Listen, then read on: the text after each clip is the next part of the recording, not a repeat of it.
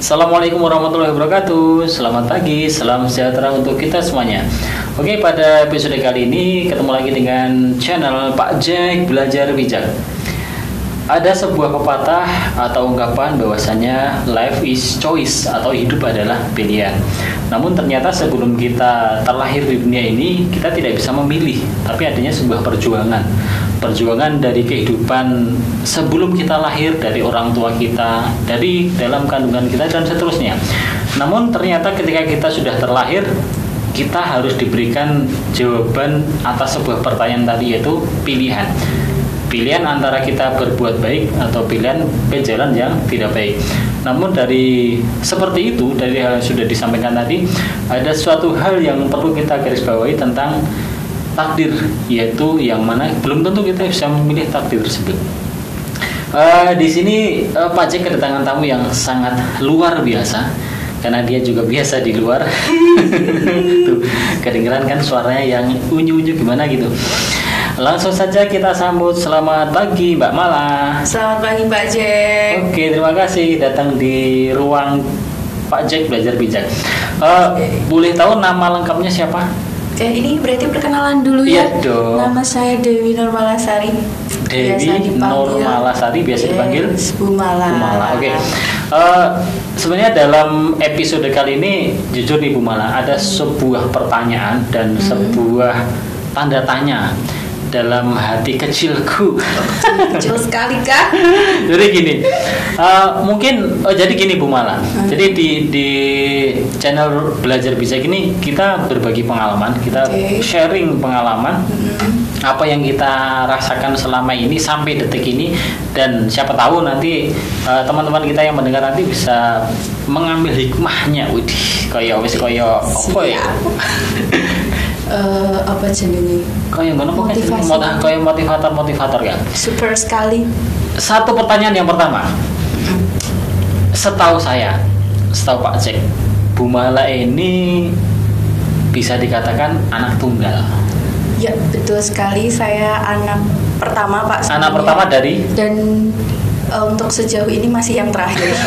Jadi pertama dan terakhir alias the one and only. Oh nah, eh, ada sebuah ungkapan anak tunggal itu bisa dikatakan anak semata wayang. Yes. Nah, sedangkan Pak Jack sendiri kan anak kedua dari tiga bersaudara. Jadi pastikan jalur kehidupannya berbeda. Pasti. Apa yang saya alami dan juga yang dialami Mbak Mala ini sangat berbeda sekali dan di sini karena saya sama sekali tidak mengalami bukannya belum tapi tidak mengalami karena saya terlahir di anak kedua punya kakak dan punya adik nggak tahu rasanya selama dari kecil dari dilahirkan sampai sekarang sudah umur belasan tahun Oke, belasan kali tiga. sudah umur belasan tahun di rumah sama bapak sama ibu bertiga rasanya gimana Untuk sekarang rasanya macam-macam sih pak. Kadang ada sepinya, Hmm. kadang ya enaknya itu gampang mengkompakkan. antara Karena cuma tiga mau kompak sama siapa lagi? bapak ibu Yes. Gumala eh iya. manggilnya bapak ayah Bapak, apa ibu. bapak Pipi bimi keles. jadi manggilnya bapak ibu Mm-mm. oke memang banyak sekali konsep bahwasannya tapi gini ada sebuah mitos entah itu betul atau salah ya mbak ya Hmm. ada sebuah mitos atau sebuah studi yang mengatakan anak tunggal itu biasanya manja Huh, itu sudah banyak sekali yang bilang. Jadi biasanya kalau ada yang tahu saya anak tunggal itu pasti Hmm. pertama yang kepikiran di mereka adalah manja. Manja. Tapi itu sebenarnya tergantung sih Pak dari orang tuanya, Dari didikan diri orang tuanya. sendiri. Jadi sebenarnya kalau eh, anak tunggal itu Hmm. ada sisi manja, ada sisi apa ya? Dibilang mandiri juga bisa karena kan biasa sendiri. Iya. Apa-apa sendiri kan duwe konco, Eh, kakak adik nggak ada tapi ya itu tetap ora iso di apa ya pak nggak bisa dijauhkan dari anak tunggal itu manja karena ya gitu udah Eh, melekat. mindset dari masyarakat sudah wis koyo nempel banget. Oh jenenge anak satu-satunya anak siji tok dil ngopo-ngopo mesti yo wis didampingi orang tua. Ya, Ono betul. gampane eh, masuk angin sithik rada pilek sithik piye no rasane Jangankan seperti itu Pak, kalau saya di rumah, Hmm. misal mukanya murung dikit, wis langsung kita Terbaca. apa no? apa no Jadi padahal saya kan mukanya emang kayak gini ya Hmm. Pak, tapi tiap murung sidik ngono mesti ditanya ngopo, ono masalah opo. Padahal kan emang kadang kita pengennya diem gitu kan. mungkin pas lagi kondisi lagi capek Hmm. tapi pengen istirahat dulu santai tapi eh, berarti gini karena sudah termanage seperti itu sebenarnya kan tidak serta merta manja sebenarnya ya Yes. saya sepakat sih dan setahu saya setahu Pak Cik di sini dan sepengenalan apa ya Sepengetahuan. sepengetahuan ya enggak ketok manja sih Hasil ya. Terus yang kedua, eh, anak tunggal katanya, anak tunggal katanya itu selain dimanja juga kadang opo-opo kuwi diwangi karo wong tua. yes. Ah, Mbak. Ya. Maksudnya ketika ada sedikit permasalahan atau sedikit apa pun itu kurang apa toh no? Kini kini kini. Iya betul sekali Pak itu sebenarnya kalau jadi kalau anak tunggal itu kalau saya yang rasain Mhm. itu antara kita masih kecil Mhm. kemudian remaja sampai dewasa itu rasanya beda-beda. Oke sekarang gini, sekarang kan sudah menginjak masa puber yang ke 16. 16 Eh, sudah melewati dari masa Iya. anak-anak, Heeh. remaja, dewasa dan Iya. sekarang sudah masa unik. Unik Pasti kan itu udah empat step mbak. empat step. Pasti rasanya kan nuansanya beda. Sekarang gini dari yang masa anak-anak dulu, ketika Oke. masih anak-anak dan barangkali berharap punya adik. Eh, Oke, aku cerita dari yang waktu anak-anak Hmm, dulu masih ya. anak-anak. Jadi kalau anak tunggal itu saya ya, Hmm. berarti di sini anak tunggal waktu masih kecil itu sangat enak sekali. Bahkan kalau bisa dibilang nggak ada nggak enaknya pak. Semuanya, Semuanya. semua muanya pokoknya Semua. tertuju ke aku. Yes, Tiada perhatiannya semua one. tertuju ke saya. Hmm. Kayak kasarannya, nek dulu Hmm. Dapat berkat Hmm. telur itu dibagi-bagi. Ya, betul, diketok-ketok beberapa kalau misalnya yang punya kakak adik. Tapi kalau saya siji langsung tak lek Pak. Betul sih. Eh, karena saya punya kakak dan juga punya adik itu betul ketika dapat berkat dindum. Mesti kan sasaran utama kan endok. Yes. telurnya. Siapa cepat dia dapat karena anak tunggal wah itu nikmatnya anak tunggal yang pertama ketika masih anak-anak wah nikmatnya luar biasa. Iya. tapi sempat kepikiran pengen punya adik nggak? Ketika masih anak-anak loh kayaknya nggak pernah karena sudah merasakan kenikmatan yang luar Yes. biasa Ibu juga nggak pernah cerita dari kecil saya minta adik gitu Adik. nggak pernah.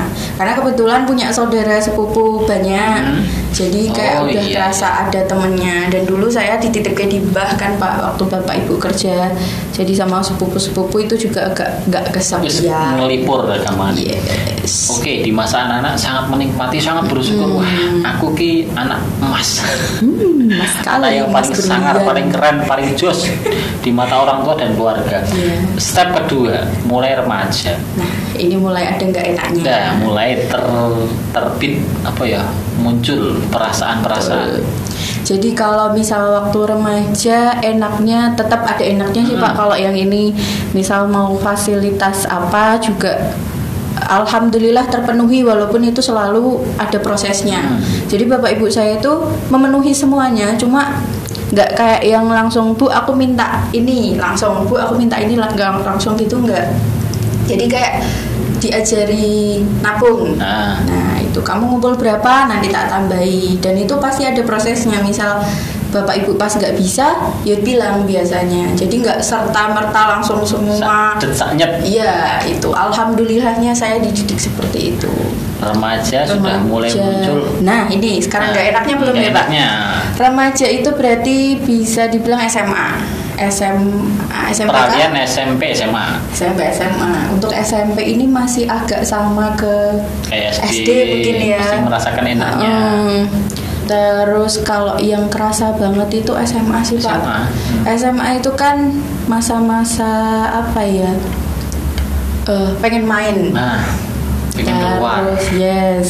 Sedangkan bapak ibu itu kerja. kan perhatiannya kembali lagi anak Hmm. tunggal perhatiannya tertuju terus. Jadi kalau misal ada acara kayak ulang tahun Hmm, teman, teman. misal malam gitu pasti itu diantar nggak bisa bebas berangkat pulang sendiri Jadi punya security pribadi dong. Yes, pasti keluar dikit ditanyain ke mana, pulang agak sore dikit ditanyain ke mana. Terus satu lagi tentu untuk anak SMA itu kan pasti ngerasain jatuh cinta. Nah itu Butuh teman curhat. yes, yang gitulah. Kalau kan pasti sudah mulai banyak. Misal aku duwe mas, duwe mbak, misal aku duwe seneng karo kayak aku bisa cerita. Betul. Paling tidak itu karena mungkin ketika langsung cerita dengan bapak ibu kan rata-rata piye no, kan Ada sesuatu yang nggak bisa kita Iya, ceritain ke orang tua betul, kan. betul. Jadi kadang dipendam sendiri. Tapi alhamdulillah juga ada teman-teman walaupun Hmm. Ya beda lah ya Pak antara curhat sama kakak sendiri sama temen Iya, gitu. karena kan kalau di rumah kan kita bisa paling tidak kan 24 jam. Sewaktu-waktu misal pas waktu malam nonton TV, Hmm. Betul. pas waktu belajar, Mas, Mbak atau mungkin Dek tak cerita nih bisa. kalau sama Bisa. temen kan paling biasanya lewat HP, Yes. lewat sosial media, tidak bisa secara langsung. Pasti ada sisi kurangnya. Itu di masa remaja. ya. Remaja. Sekarang dewasanya. dewasanya berarti mulai sekarang ini atau kuliahnya Kuliah dong, kuliah. kalau kuliah ini kebetulan saya kan ngekos pak Hmm. ngekos di Solo pulang itu jarang pulang karena saya Wih. sangat menikmati sekali yang ini. punya kehidupan sendiri walaupun tetap tiap hari ditelepon dipantau Iya, itu CCTV CCTV dari jauh. Nah, untuk awal-awal ini masih homesick lah ya Pak. oh berarti sempat mengalami namanya Iya, homesick juga. karena awal-awal seneng sih semester 1 itu seneng ke mana-kemana keluar bebas rano. Kesempatan. Yes, kayak keluar kandang. Icol lagi sama rantai, sama cencangannya wah enak banget.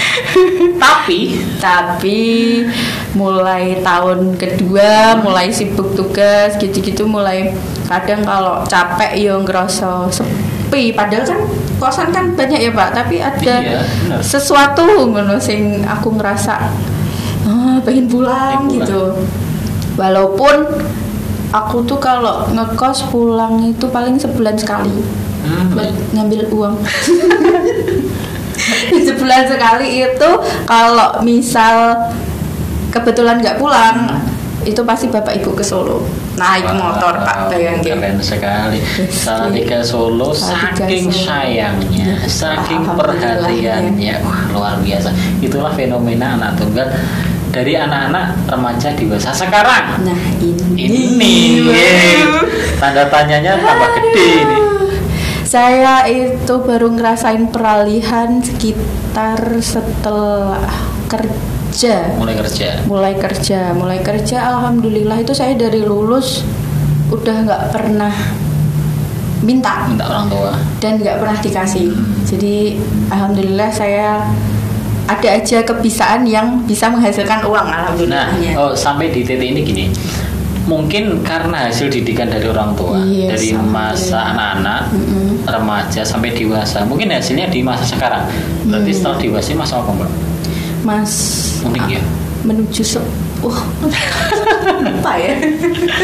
Masa matang ya alhamdulillah. Masa matang karena eh, ibaratnya gini eh, manusia itu bisa dilihat Mm-mm. pola kehidupannya itu dari beberapa hal. Yang pertama dari sisi akar. Akar itu ibaratkan dari sisi orang tuanya. Hmm. Terlahir dari kondisi keluarga seperti apa, edukasinya seperti apa. Itu pasti akan menghasilkan hasil produk anak-anak yang pasti akan bagus dan tidak. oke Yang pertama, yang kedua itu setelah dari akar itu adalah dari alam sekitar lingkungan lingkungannya. Jadi kalau akarnya bagus tapi lingkungannya penuh polusi, Ah, oke pohonnya mati. iya betul Satu lagi dari apa ya? Si, si, si, si. Akar. Yang ketiga pola ajar. Artinya dari sisi edukasi pendidikan formalnya. Hmm. Misal gini, eh, akarnya bagus dari produk yang bagus, Mm-mm. tapi sekolahnya bukan di tempat sekolah yang favorit lah. Hmm. Artinya favorit bukan harus yang nomor satu, enggak, tapi dalam kondisi yang eh, pola pendidikannya bagus. Yes. Itu pasti hasilnya juga, juga bagus. Dan kebalikannya mungkin dari sisi akarnya kurang bagus karena ditunjang dengan pola ajar yang bagus lingkungan sekitar bagus. Nanti dari akar yang kurang bagus pohonnya bagus. Yes. Nah, berarti paling tidak sekarang Bu Mala di masa yang matang ini ibarat ibarat pohon ini sudah tinggal Hmm, dipetik petik. dari anak-anak remaja dewasa matang. Apalagi keresahan-keresahan sebagai anak tunggal. Resahnya sebagai anak tunggal itu apa? kerasanya itu baru sekarang pak jadi kalau dulu mungkin anak-anak enak terus ini baru dewasa ini kerasa kayak bedanya tuh gini oke sekarang bukan saatnya lagi saya dijaga. Bukan Ya. saatnya lagi saya dipantau. kalau itu pasti. Sampai sekarang pun dipantau.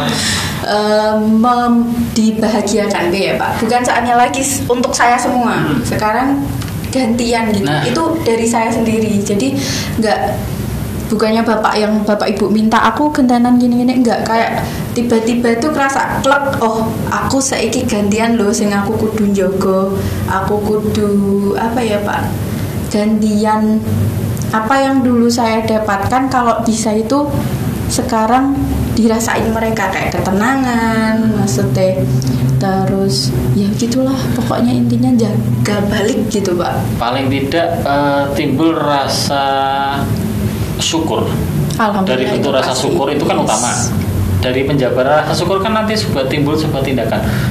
Ungkapanku sebagai rasa terima kasihku selama aku dididik, didampingi ini apa sih kan pasti akan timbul. Ya, betul Apa yang bisa aku berikan? ya Pasti kan kalau dulu sudah diberikan kasih sayang, aku gantian. Aku akan berikan kasih sayang. Hmm. Dan itu memang baru keluar, baru muncul ketika kita sudah melewati masa dewasa, artinya di masa matang. Ya sebenarnya dulu juga sih kalau dari saya. Jadi misal kayak sekolah gitu Hmm. pak, saya fasilitas semua dari alat tulis, tas dan lain-lain itu selalu diberikan yang paling Paling bagus. bagus.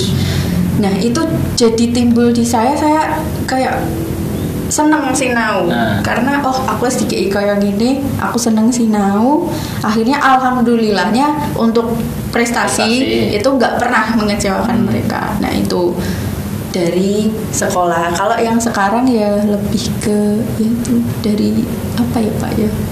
Apalagi musim kayak gini corona itu rasanya kayak pengen jogo ngono piye carane ngandani. Mungkin kalau dulu kita kan yang sering dibilangin ojo gini ojo gini sekarang ganti ya. Ganti ya. saya yang cerewet. Bu masker bu iki bu iki sampai pernah marah. Hmm. Lah aku mbien tak nenek-nenek kayak mana tuh. Jadi kayak gantian udah sekarang udah beda apa ya? Beda peran malahan. Tapi memang ketika sudah masa matang memang harus seperti itu. Yes. Tapi gini mbak, eh, di sini Pak Cek bersyukur. Saya sendiri sangat bersyukur ketika Bu Mala bisa memberikan contoh yang sangat luar biasa buat teman-teman anak tunggal yang lain. Cuma kadang eh, ada sisi keprihatinan juga buat anak-anak tunggal yang lain. Mungkin sudah diberikan fasilitas yang bagus, Yes. tapi tidak memanfaatkan, tidak mensyukurinya dengan diimbangi hal-hal yang baik lagi. Iya. Itu pendapatnya Bu Mala gimana? Kalau itu sebenarnya tergantung dari kalau masih kecil sih tetap dari orang tua Iya, sih ya orang Pak tua. cara didiknya. Misal ngasih sesuatu yang belum saatnya dia punya pun itu akan berpengaruh ke apa ya pola pikir dia.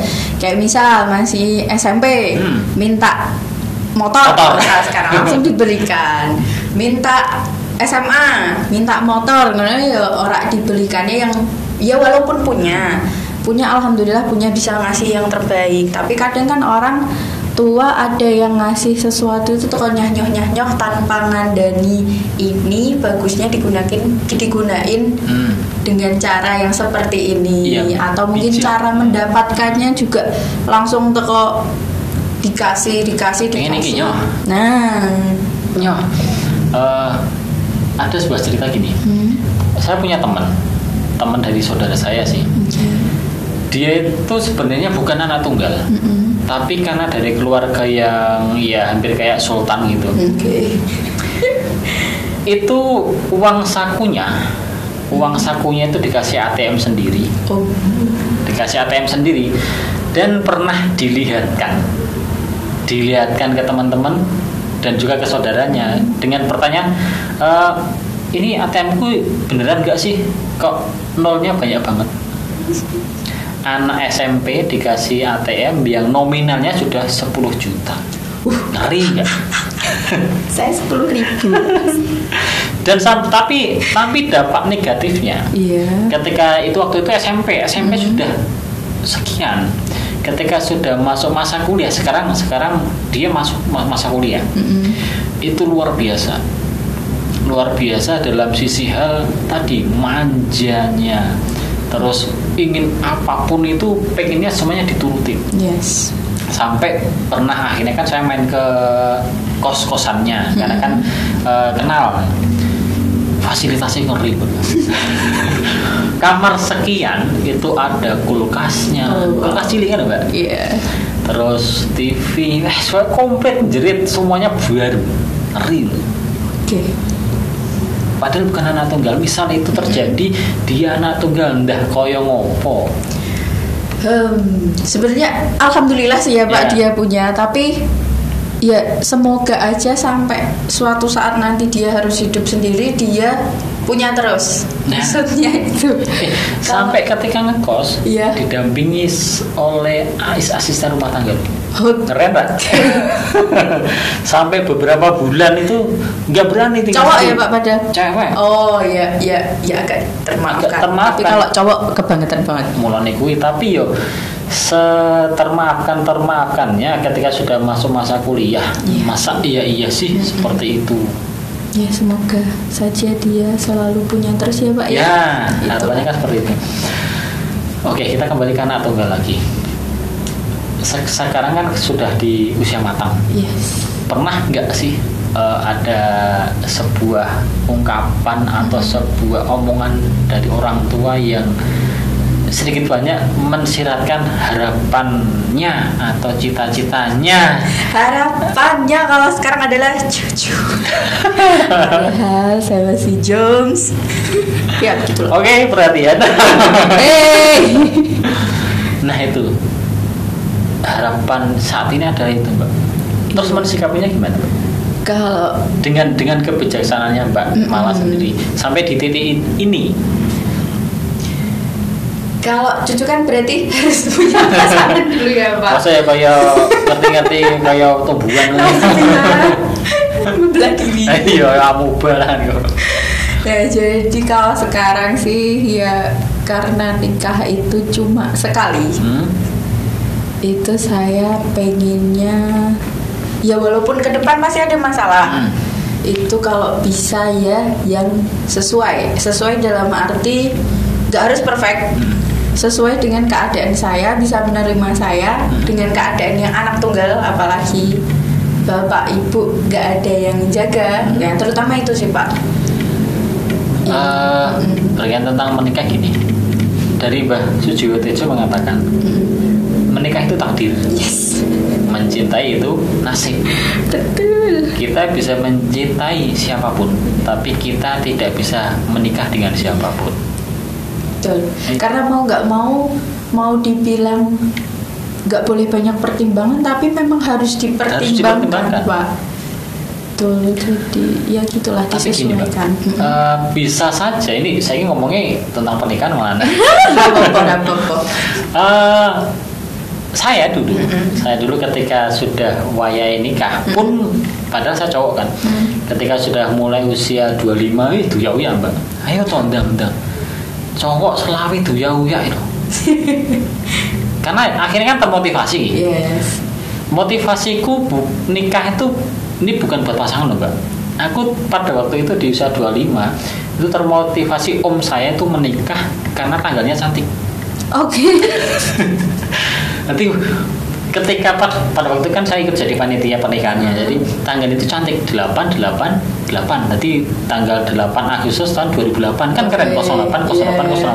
08 itu angka yang tidak ada sudutnya tidak sedikit nggak ada sudut kan 08 kan Iya. bundar kabeh. Delapan juga melambangkan Apa ya? infinite, apa, Nah, ngono tidak terhingga kan? tidak terhingga Yes. karena tidak ada putusnya baru aku terus ter- termotivasi ya wis aku sesuk tahun ngarep. Hati resolusi tahun baru ini Wow, langsung tahun sembilan. tahun sembilan tahun sembilan. Eh lewat terus. Lanjut ke 2010 oh Ciano kan 10 10 10 lewat lagi.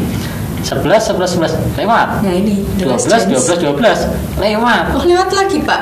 Nggak ada bulan ke-13 nah ya pak. wih. Terus piye? Tapi aku nggak nggak nggak habis akal mbak. Aku tetap ber, berresolusi tahun baru lagi. Orang mungkin tau telulas telulas telulas. Satu tiga satu tiga mbak.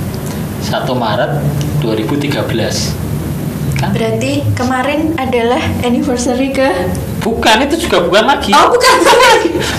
Tidak tersampaikan lagi. Hmm. satu tiga gagal satu empat satu empat gagal satu lima satu lima gagal lagi. Satu enam satu enam gagal satu tujuh satu tujuh gagal. Sampai endingnya ketika saya berusia 30 tahun. Heeh. itu di tahun 2016 mbak. Aku Oke. senang aku sampai merasakan ya wis lah. Nah itu. Aku berada di titik pasrah dan ikhlas tentang jodoh. Di titik umur 30 tahun karena saya pernah berdoa "Eh, ya Allah semoga saya nikah di usia sebelum 30 tahun. Hmm. Tapi ke- ternyata ketika sampai di usia angka 3 deng entek mbak. Perasaan itu sudah habis. Ketika nge-flashback jadi aku ki yo ya jangan dapat tinggal sih. Tapi kan dari si- sisi cowok ya saya sudah punya pekerjaan Mm-mm. tetap. Itu kan paling tidak ada nilai lebihnya di situ. Yes. Terus eh, dari sisi hal yang lain aku yang duit kok orang ono sing gelem yo? Terus akhirnya eh, mel- mel- mengembalikan sebenarnya kepada Tuhan. Oke. Ya wis lah aku umur 30 tahun. Doa aku sekarang berubah. Tidak lagi berdoa ya Allah semoga besok di usia 30 tahun atau sebelum 30 tahun saya menikah. Hmm. ganti doanya. Ya Allah kalau memang saya engkau berikan jodoh yang terbaik berikan pada waktunya yang tepat. Aduh ini tiba-tiba saya gergel loh. Saya berdoa seperti itu Iya tapi ketika tak flashback lagi ternyata kenapa kenapa sih kok sampai akhirnya iki kita melenceng dari anak tunggal ya mbak ya Yes. karena kan sudah bahasan yang matang tadi Mm-mm. tak flashback lagi kenapa saya kok belum bisa menikah di usia 30 tahun ternyata ada doa-doa kecil Hmm. yang itu ju- justru dikabulkan oleh Tuhan oleh Allah Hmm. doa-doa kecil saya itu doa kadang saya menilai doa saya itu aneh koyo-koyo ora khusyuk loh Mbak. Oke Contoh ketika 2014 itu saya berdoa. eh, waktu itu saya kehilangan sepeda motor. Oh. Motorku dicuri orang di kos-kosan. Setelah hilang, saya malah berdoa. Ketok eh motorku hilang apa saya ikhlas menghilangkan motor saya hilang. Hmm. Terus saya berdoa, ketok eh aku cah nom, single. Aku wis di penghasilan tetap, punya titel. Kita aku luwih ganteng aku di mobil. Oke Saya berucap seperti itu dan ternyata ucapan adalah doa. Tuhan mengabulkan. benar. Alhamdulillah 2014 2015 aku ndonga meneh. Ketoknya aku luwih keren meneh. Wis duwe mobil aku di rumah dewi. Aku ndonga enggak Tuhan mengabulkan. Hmm. di akhir tahun 2016 dikabulkan. Lah aku bingung tuh wah aku ndonga aku biasa wae kok dikabulkan ya. Terus 2016 bingung mau doa apa. Hmm. akhirnya di akhir selama 2016 doaku tak simpulkan di akhir di akhir tahun 2016 ya Allah yang ketoknya aku luwih keren meneh aku luwih sangar meneh. Aku cek enom wis duwe omah wis duwe mobil punya pekerjaan tetap saya sudah ibadah haji. Doa saya seperti itu. Aku luwih sangar aku luwih keren aku cek enom wis haji. 2017 alhamdulillah berhaji. Eh, itu haji setelah setelah punya rumah. Ah, belum belum itu berarti pak Iya, Wah, dikabulkan kan? Makanya kok iso ya seakan ketika begitu dapat informasi dari penyelenggara haji Hmm.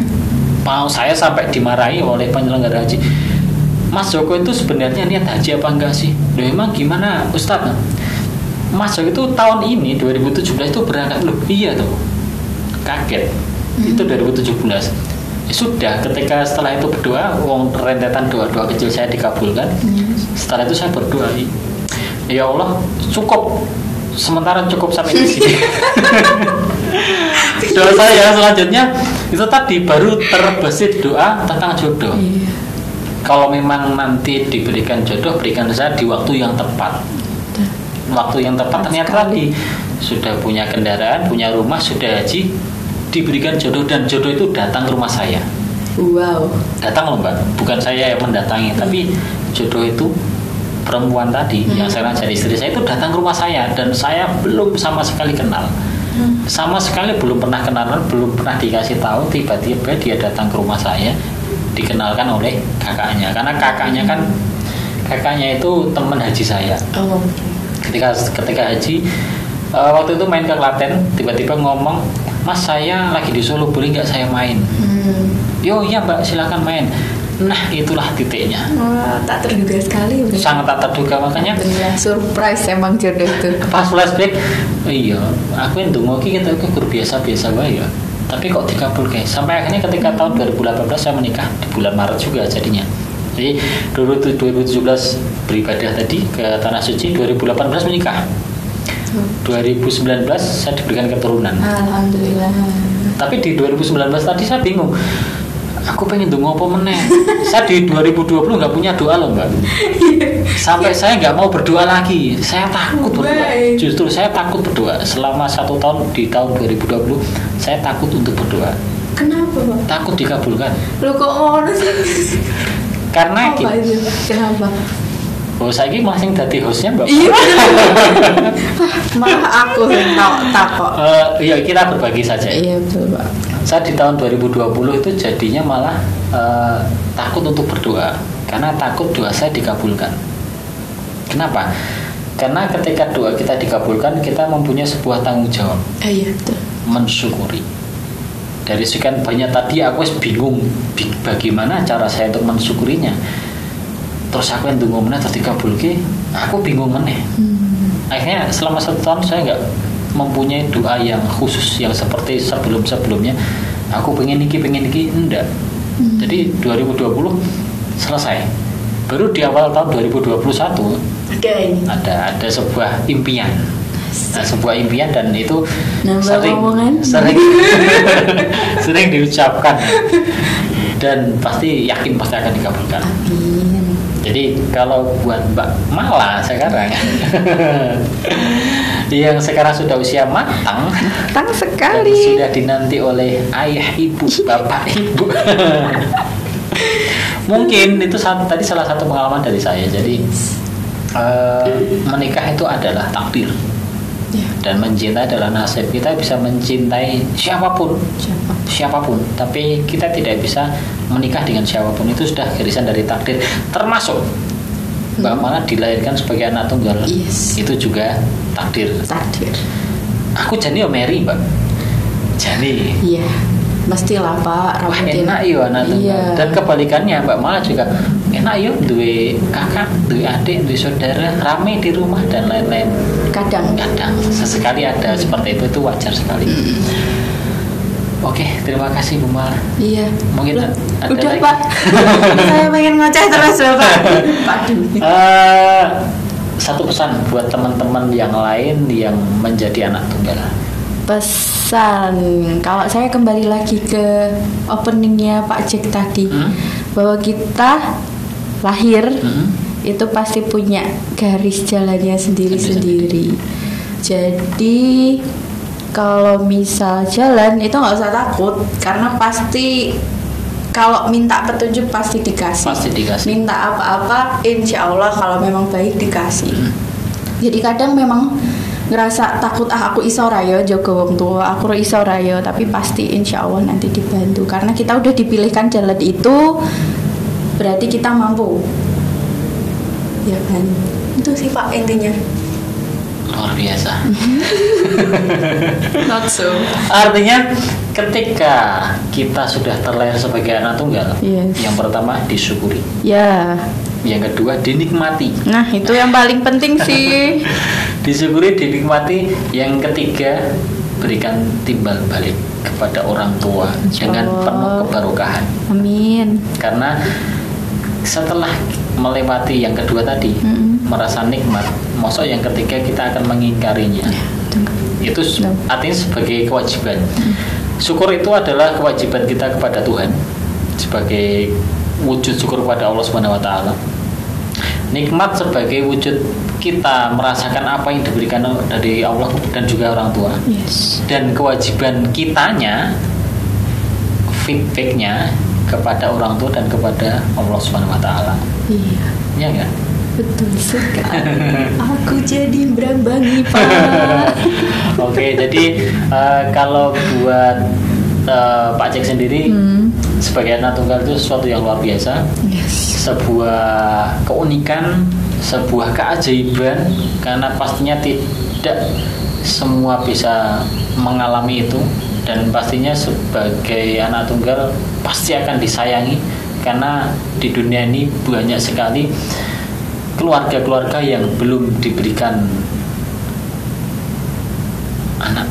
Yes. jadi wajar ketika orang tua mempunyai anak tunggal memberikan sebuah kasih sayang full. Iya. bahkan melewati batas daripada hal-hal yang lain. Bahkan melewati batas dari kemampuan orang tua tersebut. Itu sangat wajar sekali. Karena tadi eh, tidak semua orang diberikan karunia berupa buah hati atau anak Iya. jadi syukuri nikmati dan kembalikan semuanya kepada orang tua dan juga Tuhan bahwasannya saya mensyukuri dan menikmati itu. That's it.